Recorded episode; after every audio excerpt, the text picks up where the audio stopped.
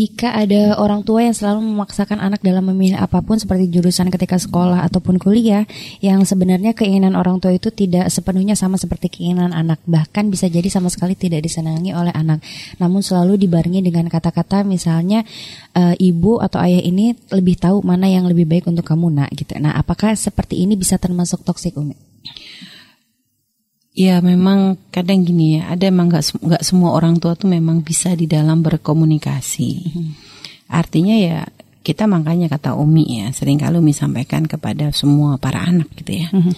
Dalam ketika kita itu ingin membahas apa pun urusan jodoh, sekolah dan sebagainya, obrolin dong dengan orang tua jauh-jauh hari. Jangan kalau sudah waktunya kita memilih baru kita bahas itu salah obrolin supaya orang tua tuh paham apa yang Anda inginkan. Hmm. Obrolan cerita, berbagi itu penting. Bangun komunikasi dengan orang tua itu penting. Yeah. Karena gimana pun Anda harus paham, orang tua tuh selalu berharap yang terbaik. Mereka merasa mereka yang telah melahirkan, hmm. membesarkan, hmm. mereka telah mengeluarkan biaya tidak sedikit untuk Anda.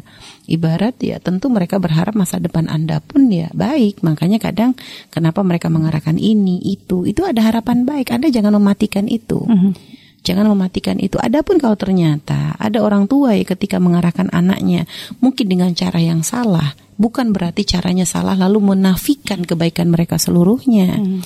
Ada sebagian anak itu gitu, menafikan kebaikan orang tuanya karena merasa orang tuanya itu salah. Lah ini yang nggak benar siapa anak? Hmm.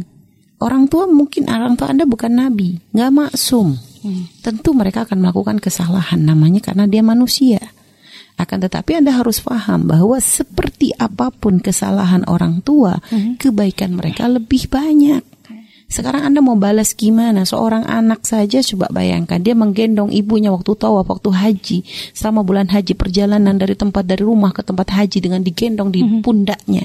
Ketika ditanya apa bisa membalas kebaikan ibundanya dijawab oleh seorang sahabat apa? Itu setitik darah satu itu belum bisa ya itu baru bisa membalas satu tetes darah yang keluar tuh melahirkan lo lihat berapa tetes darah yang keluar. Lah sekarang sudah nggak gendong juga enggak, giliran orang tua punya saran disalah-salahkan. Nggak begitu dong caranya. Jadi kalau sampai orang tua punya pendapat begini, itu bukan langsung kita katakan toksik. Anda kurang pendekatan. Ya. Anda mungkin kurang membangun hubungan enak dengan orang tua jarang ngobrol, jarang begini. Akhirnya ya orang tua mungkin berpikirnya sudah mereka tuh pengen nata tuh maksimal mm -hmm. gitu. Mm -hmm. Ini begini begini karena kan pikiran mereka tuh gimana anaknya tuh bahagia, selamat. Jadi akan seperti itu. Umumnya orang tua adalah seperti itu. Yeah. Makanya nggak beres tuh kadang ada anak tuh ya begitu gampang menyalahkan orang tua. Yeah. Berbuat bakti aja enggak, tapi kalau nyalahkan paling pinter. Nah itu selalu memandang ini salah orang tua salah salah salah salah. Selalu melihatnya dari sisi itu. Makanya inilah kesalahan besarnya anak tuh seperti itu. Nggak bisa melihat kebaikan orang tua sebagai kebaikan. Nah makanya anda duduk dengan orang tua yang nyaman, anda sampaikan apa yang anda harap gitu ya. Dan juga coba anda jangan ego. Mungkin coba anda melihat bisa saja mungkin yang di arahkan orang tua itu adalah baik gitu loh. Hanya kadang kita kan punya manusia tuh punya ego karena hmm. ngerasa bertentangan dengan yang aku mau hmm. gitu lah. Nah ini biasanya setan main di situ. Hmm. Akhirnya Pak menjadilah anak durhaka kepada orang tua. Hmm.